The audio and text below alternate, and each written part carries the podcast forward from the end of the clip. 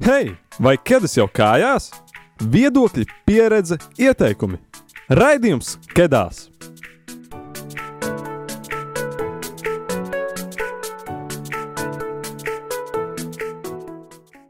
Sveiks, klausītāji! Ir 7. aprīļa vakars, un ar tevi, kā ierasts, ir raidījums Kedās.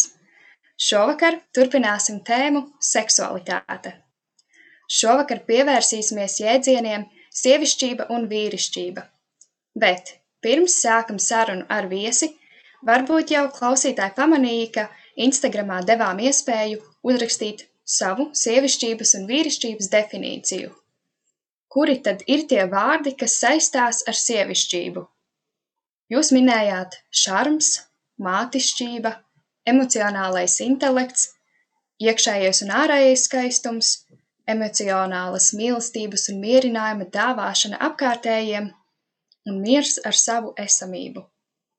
Savukārt, vīrišķību klausītāji saista ar vārdiem izlēmība, intelektuāla un racionāla mīlestība, rūpes, spēja stingri stāvēt uz zemes vētras laikā un tēvišķība.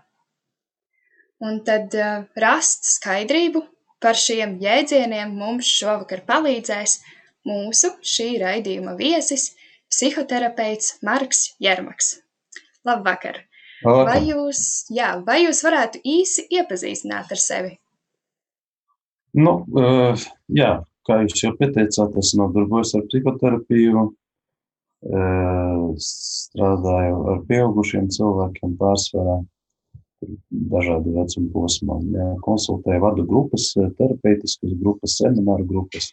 Sakot, tas ir dažādi veidi psiholoģisks darbs ar cilvēkiem, kuri risina savas iekšējas uh, grūtības un attiecību grūtības. Paldies! Um, tad, tā tad, nu, kā tad ir? Vai mūsu izpratne par šiem jēdzieniem atbilst to būtībai?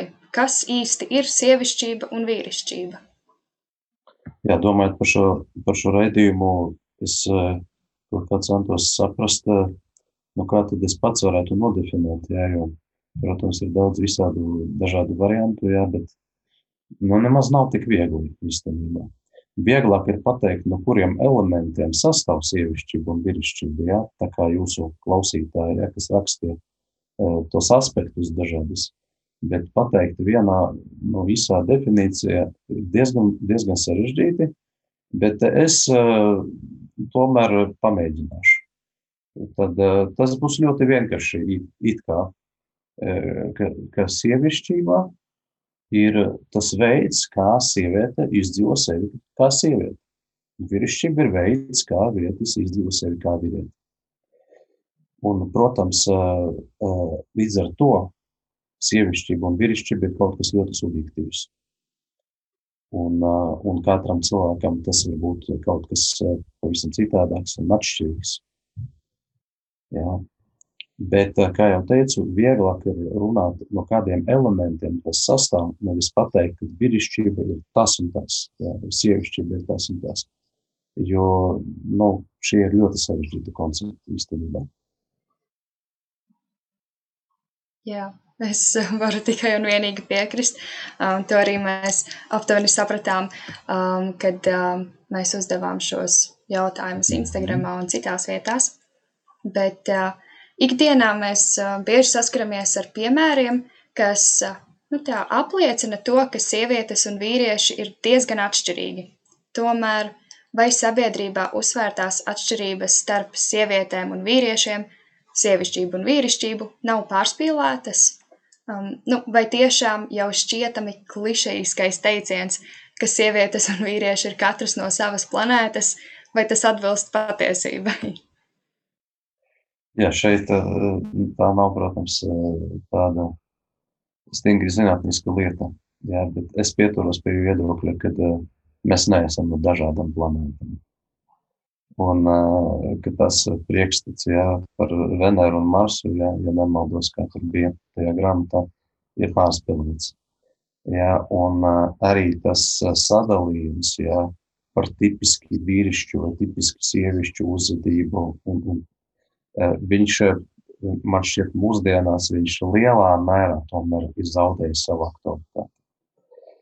Jo kultūra ir pamainījusies ļoti radikāli pēdējos simts gados, piemēram, ja, kas no vēstures attīstības viedokļa ir nieks, ja, bet tomēr ir notikušas ļoti straujas pārmaiņas.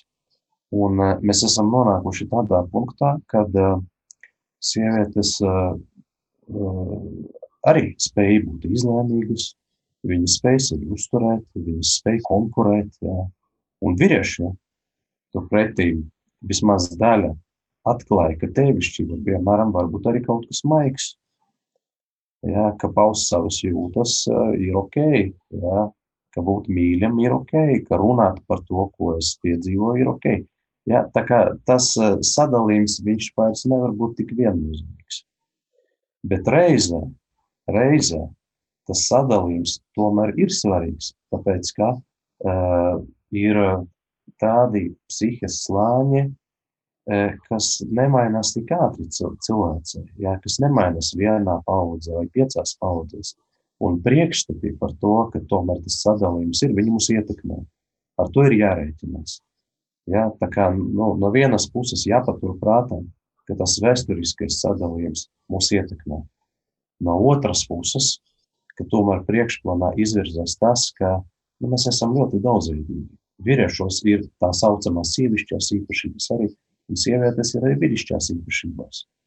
Jā, jautājums vienmēr ir nu, par to samērojumu jā, un līdzsvaru, jā, kas jau katram cilvēkam ir ļoti unikāls. Nu, piemēram, iztēlojoties nu, ļoti tāda tipiskā situācija. Nu, piemēram, sieviete palika viena pati ar bērnu. Ja? viņa nav otrs vecāks, ja, viņa nav partneris. Ja viņa vēlas normāli funkcionēt, lai šī ģimene spēj normāli funkcionēt, viņa ir jāattīsta sevi vīrišķās īpašībās. Viņa ir jāiemācās būt arī tevišķai pret šiem bērniem.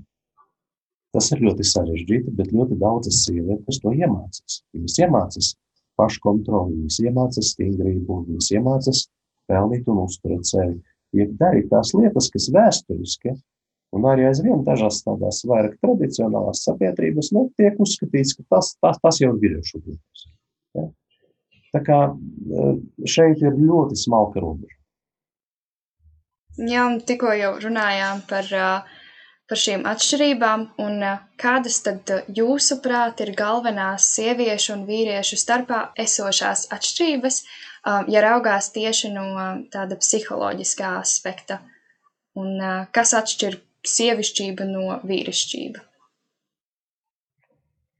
Jā, ļoti, ļoti sarežģīti to izteikt, jo tāpēc, ka eh, tad, kad es strādāju ar, piemēram, ar saviem klientiem, vīriešiem un sievietēm, es redzu, ka tā, no cik ir šo vīriešu un sieviešu, tik, tik daudz ir šo variantu, kā cilvēki sevi izdzīvo, kā vīriešus un sievietes. Jā, ja teikt, ka ir kaut kādas tipiski vīrišķās lietas, jā, vai īpašības, tipiski sievišķās, nu, varētu būt tā diezgan, diezgan bīstami. Bet, manuprāt, fundaments, kur tomēr šī atšķirība ir un pastāv un viņa būs vienmēr, ir tā, ka mūsu, mūsu dabā, mūsu kā vīriešu dabā, piemēram, ir iekodēta spēja būt tēviem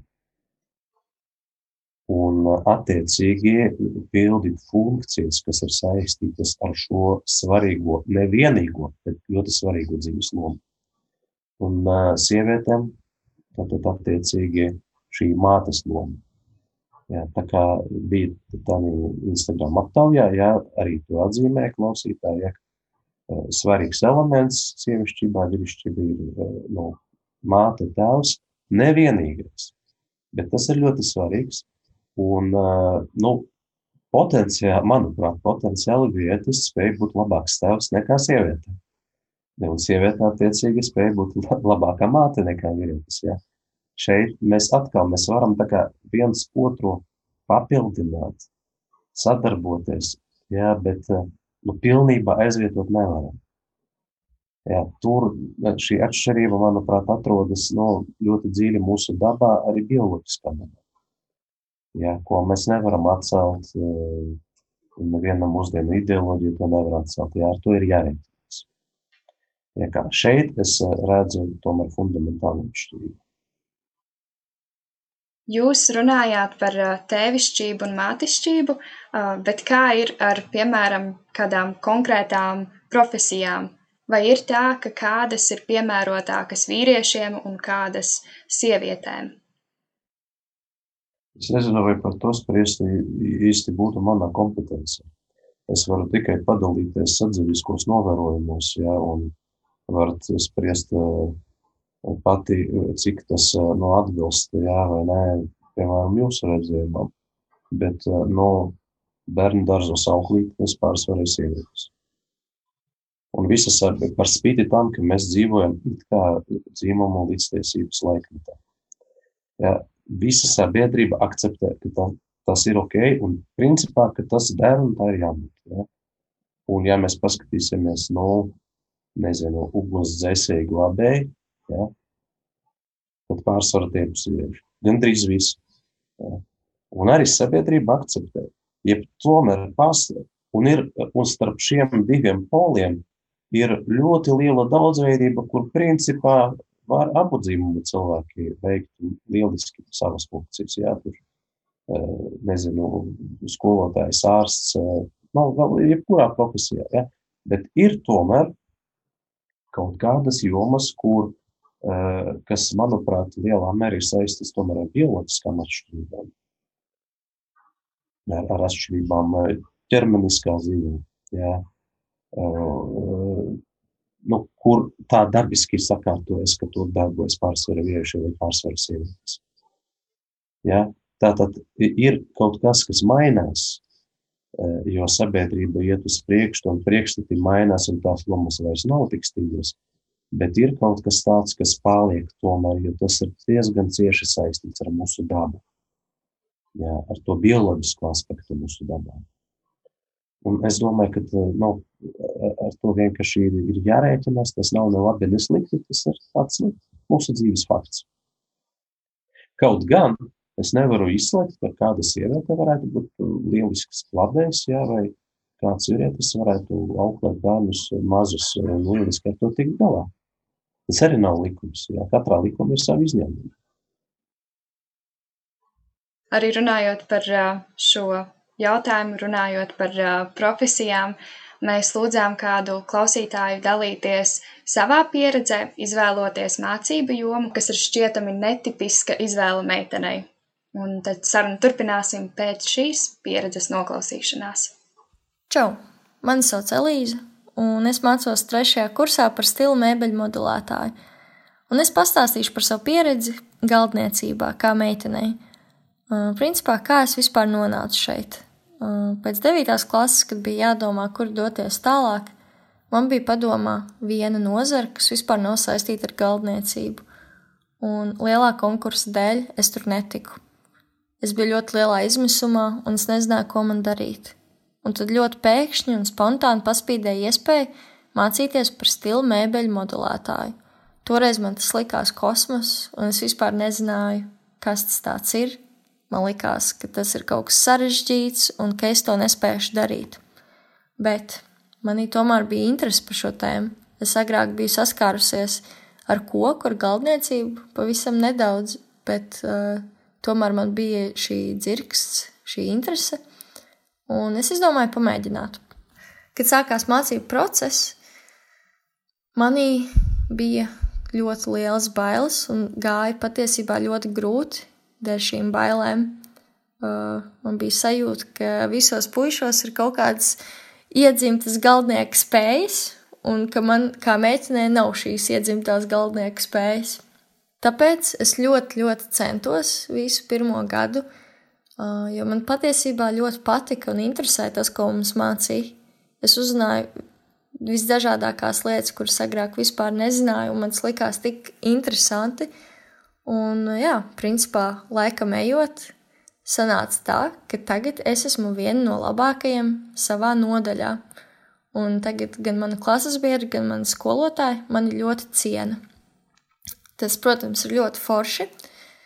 Bet uh, dažreiz es sev uzdodu tādu jautājumu, vai viņi man ciena tāpēc, ka es esmu meitene kaltniecībā, kurai labi tas padodas, vai tāpēc, ka es vienkārši esmu cilvēks, kam labi padodas tas, ko viņš dara. Jo tur tomēr ir kaut kāda atšķirība. Un um, runājot par šo tēmu, man arī nāk prātā daudzas meitenes, ar kurām es esmu runājusi, kuras ir uh, citās nozarēs, kā piemēram šuvējās, vai kādā citā mākslas nozarē, kas varbūt ir uh, raksturīgāka, uh, tipiskāka meitenei. Un man ļoti daudz meitenes ir teikušas, ka viņas arī gribētu pamēģināt galdniecību. Un viņām patiesībā arī ir iedzīt šie aizspriedumi, šīs bailes, ka viņas šo nevar darīt, tāpēc ka viņas ir meitenes. Un tāpēc es šobrīd pierādu šo stereotipu kā nepareizu, ka patiesībā meitene var nodarboties ar galdniecību. Un noslēpums slēpjas tajā, ka vienkārši man patīk tas, ko es daru. Man interesē šī nozara. Tu klausies raidījumu Kedās. Paldies, Elīze, ka dalījies pieredzē. Un tikko dzirdētajā pieredzes stāstā izskanēja doma par to, ka ir konkrētas profesijas, kas tiek uzskatītas par sievišķīgākām un citas vīrišķīgākām. Un šķiet un iespējams, ka liela nozīme šo priekšstatu maiņā ir tieši ģimenei un ikdienai tajā, piemēram, ja meita māks saskrūvēt plauktiņu un dēls salāpīt apģērbā radušos caurumus, arī uh, attieksme pret citiem darbiem varētu mainīties. Tādēļ jautājums, un iespējams jūs varat pakomentēt, um, vai meitenes un zēni būtu jāaudzina vienādi? Nu, es uh, ne tikai neuzskatu, ka viņi nav jāaudzina vienādi, bet uzskatu, ka tas, tas principā nav iespējams.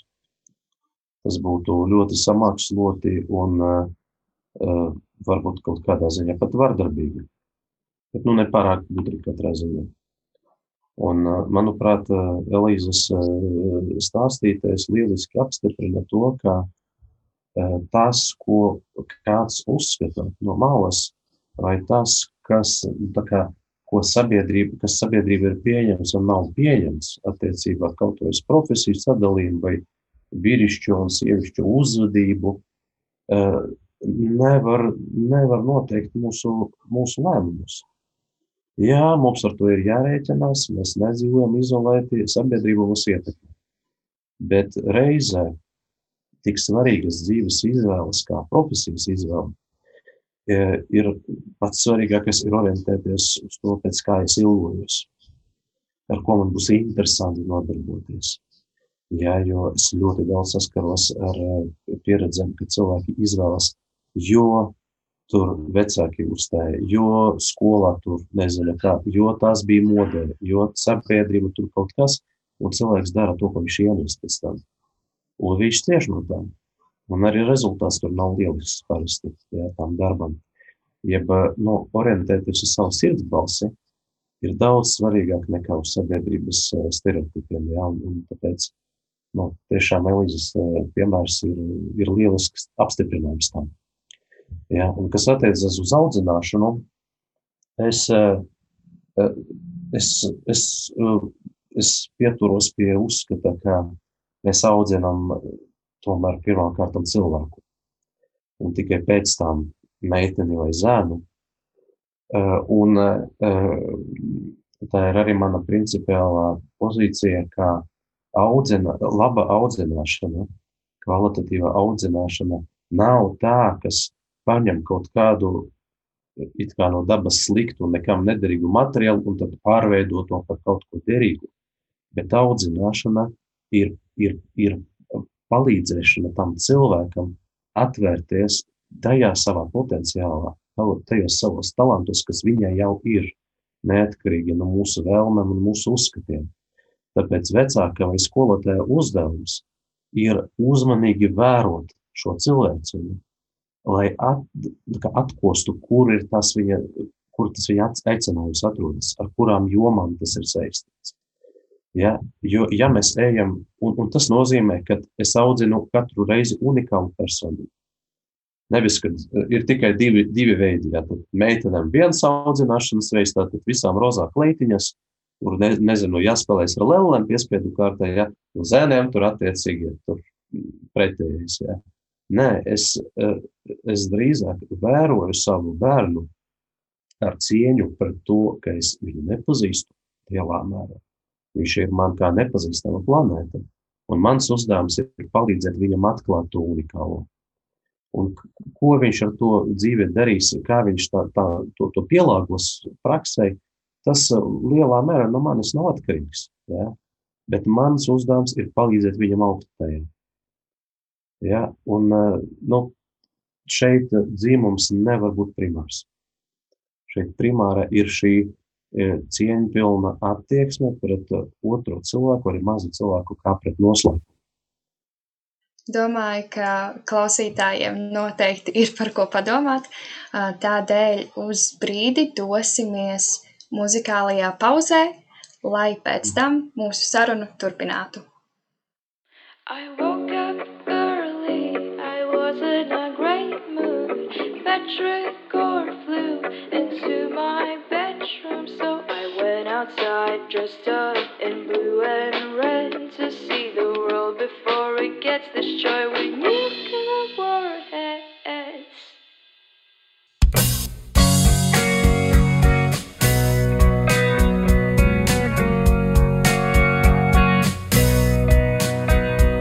I'm sorry, my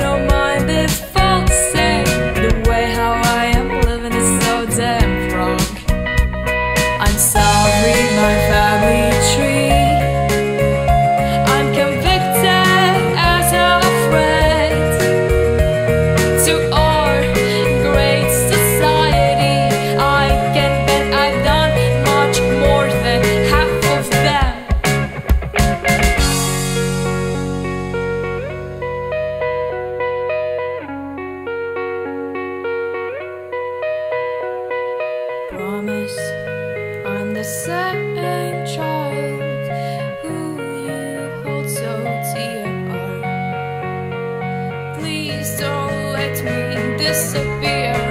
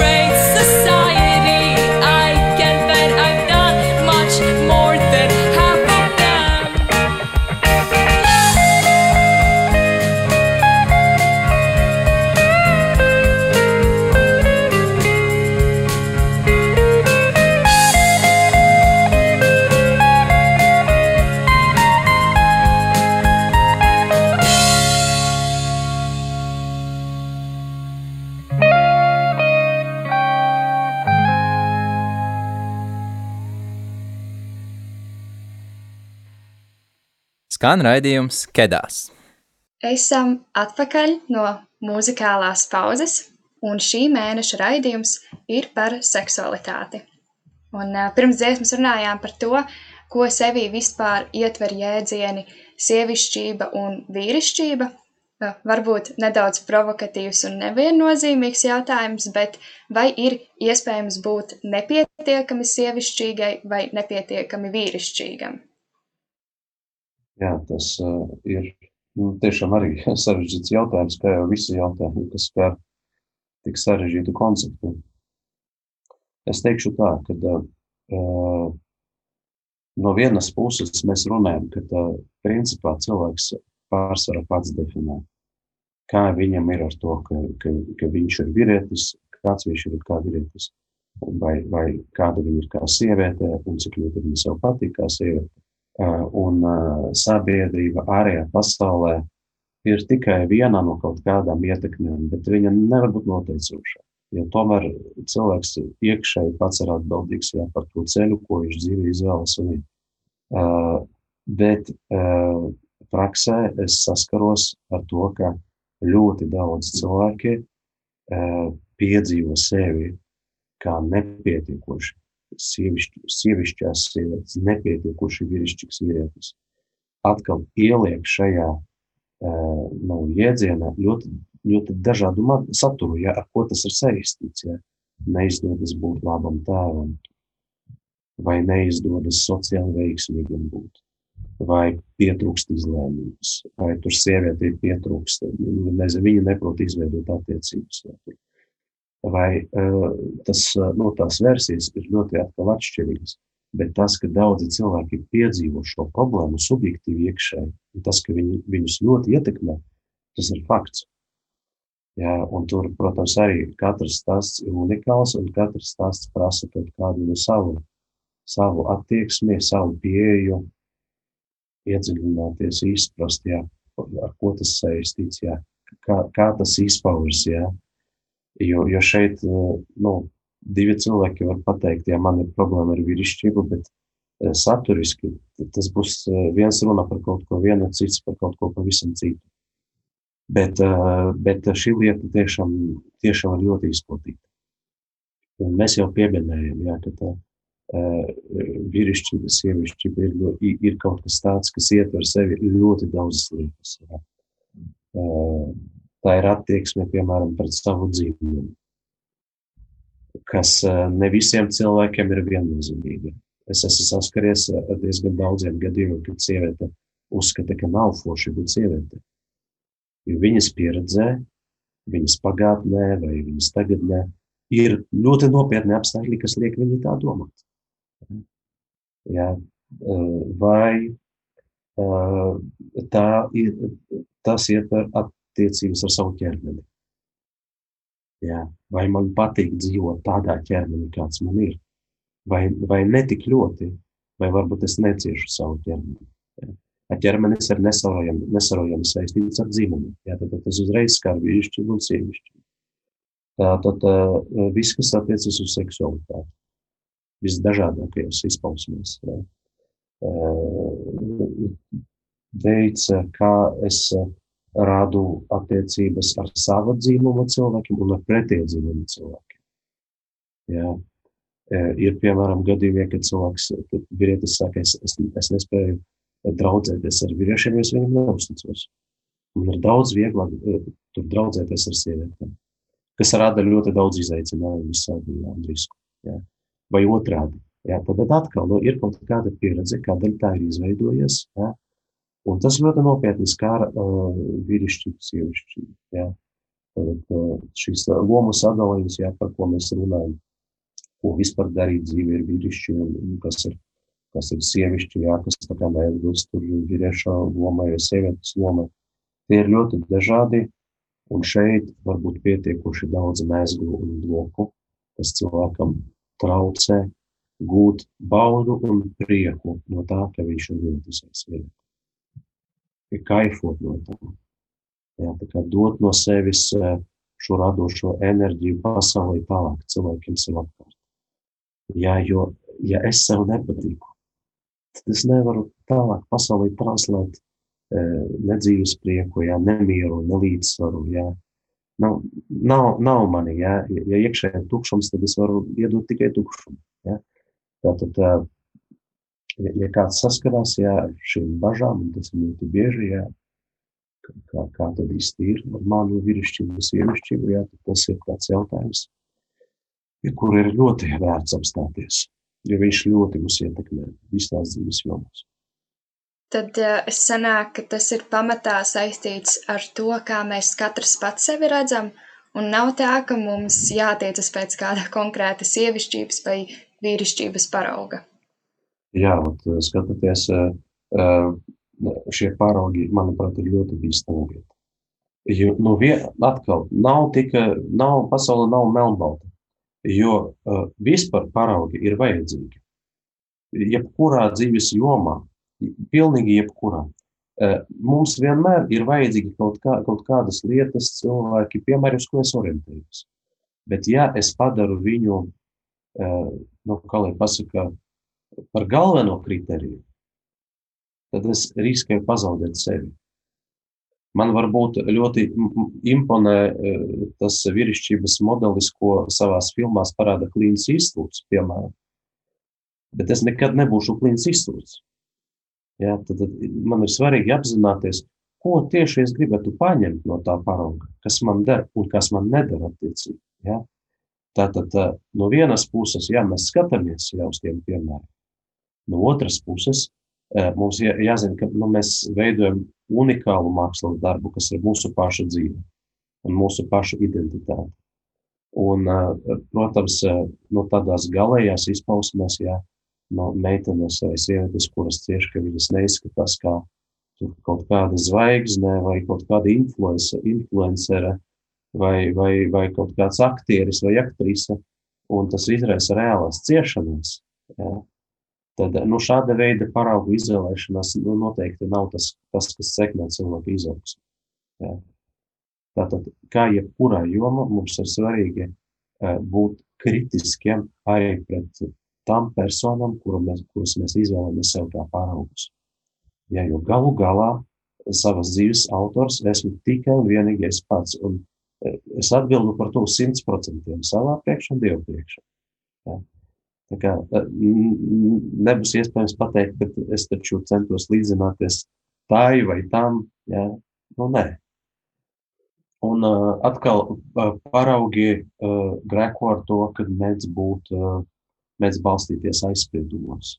Jā, atkal par šo uh, tipisks vīrietis, jā, tipiskā sieviete, īstā sieviete. No cik, cik bieži mēs dzirdam šādas atzīmes. Īstā sieviete, īsts vīrietis. Bet kur, kur ir kāds, kurš var pateikt, ka viņš ir uz 100% īsts vīrietis vai īstā sieviete? Un apgalvot, ka citiem viņam ir jālīdzinās. Tā taču tas nestrādā. Es varu kaut ko no kāda cilvēka pārņemt, kā piesavināties psiholoģiskā ziņā, bet eh, neatdarināt viņu nekopēt. Runājot eh, par paraugiem, uh, domāju, ka gan jau katram kādreiz bijusi kāda saskarsme ar domu, ka vīrieši neraud, vai ka sievietes taču ir ļoti emocionālas, un um, mēdzam dzirdēt arī vārdu savienojumu toksiska vīrišķība. Kas tā jūsuprāt ir? Kā ar toksisku sievišķību, jeb neveselīgu, varbūt citiem un sev pat kaitējošu, it kā ar dzimumu saistītu uztveri, ikdienā par tādu maz dzirdam, vai tāda arī pastāv? Jā, eh, es saprotu šo toksiskumu eh, tādā ziņā, ka, ka toksiskums rodas no tā, ka kaut kas, kaut kādas īpašības tiek uh, pārspēlētas, un nav nekā cita, kas to līdzsvaro. Tātad uh, vīrietis tiek parādīts vienpusēji ļoti. Varbūt tās īpašības viņas pašas par sevi nav nemaz nu, nesliktas. Visas mūsu īpašības ir neitrālas. Viņas nav ne labas, ne sliktas. Izpausmes var būt labas vai sliktas, jā, darbības. Vai tas pats ar sievieti. Jā. Bet, ja mēs to padarām par dzīves moto, kad sievietes ir emocionālas, vīrieši ir racionāli, nu, nekā vēl primitīvāka neesmu dzirdējis. Tas taču, ne, tas taču nemaz, nemaz neatbilst reālajai dzīves pieredzē. Jo ir vēl kaudze citu lietu. Ir temperaments, ir noteikts rakstura tips, ir noteikta psihiskā struktūra, ir noteikta dzīves pieredze katram cilvēkam. Ir kultūras konteksts, kurā, eh, kur kultūrā lielā mērā ietekmē to, kā jāuzvedas tur vīriešiem un sievietēm. Tas arī ietekmē. Un tas viss kopā, un ja mēs pateiksim, tad, nu, vīrieši ir racion, racionālāki ja, nekā sievietes, nu, smieklīgāki. Ja? Vai nu, šī toksiskā vīrišķība, ja, tāds vietas alfatēvišs, ja? vai mačo tipa vīrietis, vai vīrietis donžons, ja? tāds paveidinātājs, agresīvs, bezatbildīgs, spilgts, bet bez satura, nav spējīgs veidot noturīgas attiecības, izvēlas bīstamu un netālredzīgu dzīvesveidu. Ja? Vai tā ir īstā vīrišķība? Nu, diez vai. Ja? Jo vīrietis, kurš uzvedas bezatbildīgi, nu, es nezinu, manā izpratnē tur grūti runāt par kaut kādu briedumu, un līdz ar to īstu vīrišķību. No otras puses, ja vīrieti nemaz nav nekas no tā, no tā alfa tēviņa, tad ļoti bieži viņš pats un arī apkārtēji jūtas kā vārgi. Ja? Tātad nu, kaut kas no tās uh, mačo enerģētikas, uh, mačo tēla, nu, viņu ir svarīgi sevi kaut kādā veidā piekopt. Bet, ja tas pārvēršas par galveno vai vienīgo, tad uh, nu, tur sākas toksiskums. Ja? Jo cilvēks kļūst primitīvs, vienpusējs.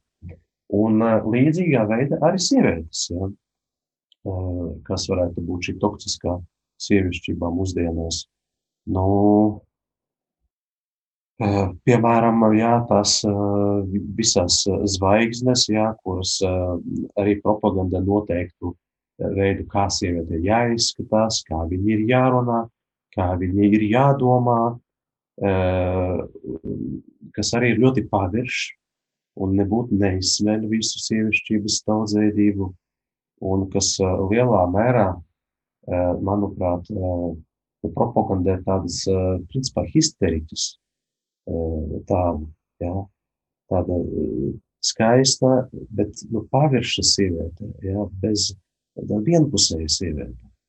Ja, sievišķībā ir ļoti daudz kas. Ja, sieviete var būt arī karotāja, sieviete var būt māte, sieviete var būt uh, jaunava Marija ir viens no kultūrā ļoti spēcīgiem sievišķības paraugiem, kas attēlo vēl citus uh, sievietes aspektus. Ja. Bet reizē arī sievietes karotājs, vai sievietes cīnītājs, vai sievietes revolucionārs. Ja? Tas, viss ir, tas viss ir par sievišķību, viņas dažādos aspektos. Ja? Un toksiskums rodas tad, ja mēs pārspēlēti koncentrējamies tikai uz kaut kā vienu.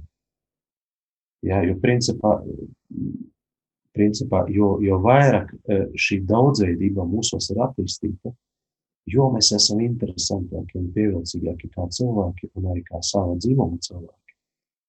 Un vairāk spējam dot no sevis tālāk.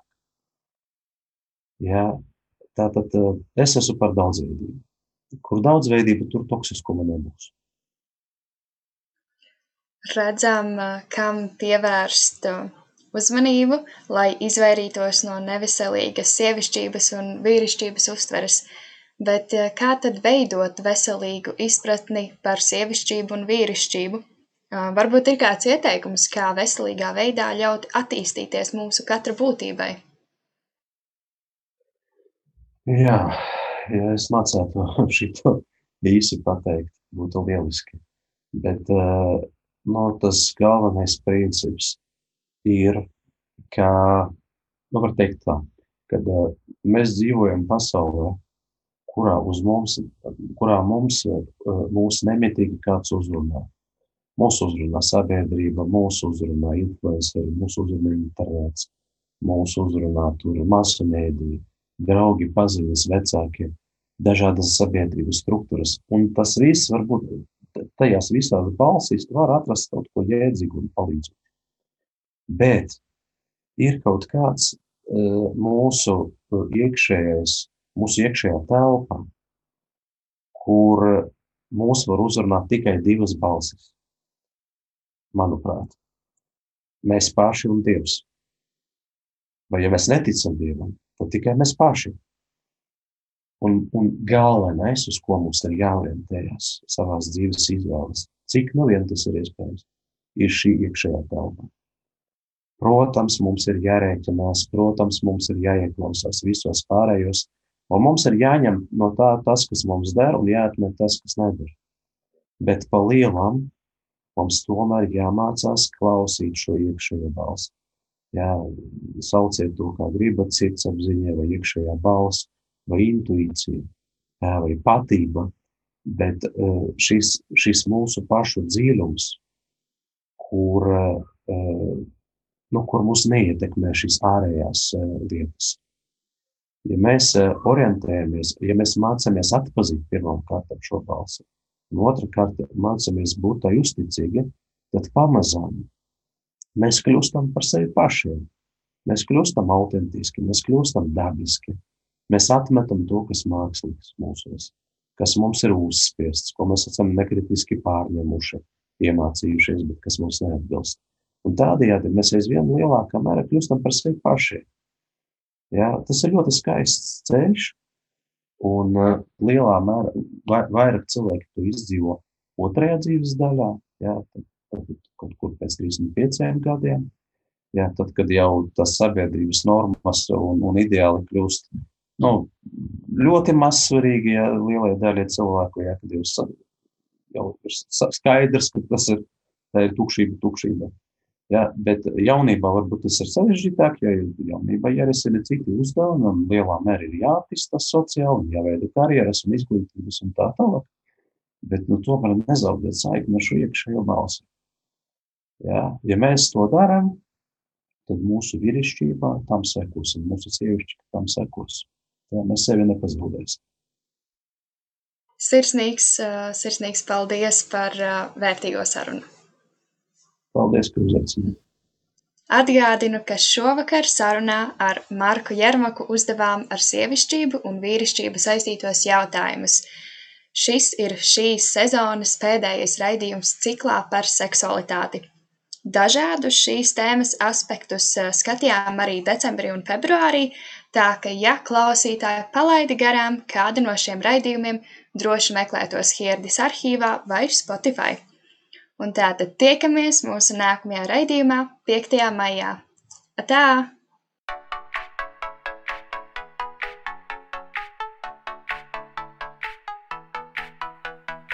Tu tikko dzirdēji raidījumu Kedās! Seko mums Facebook un Instagram etraidījums skedās.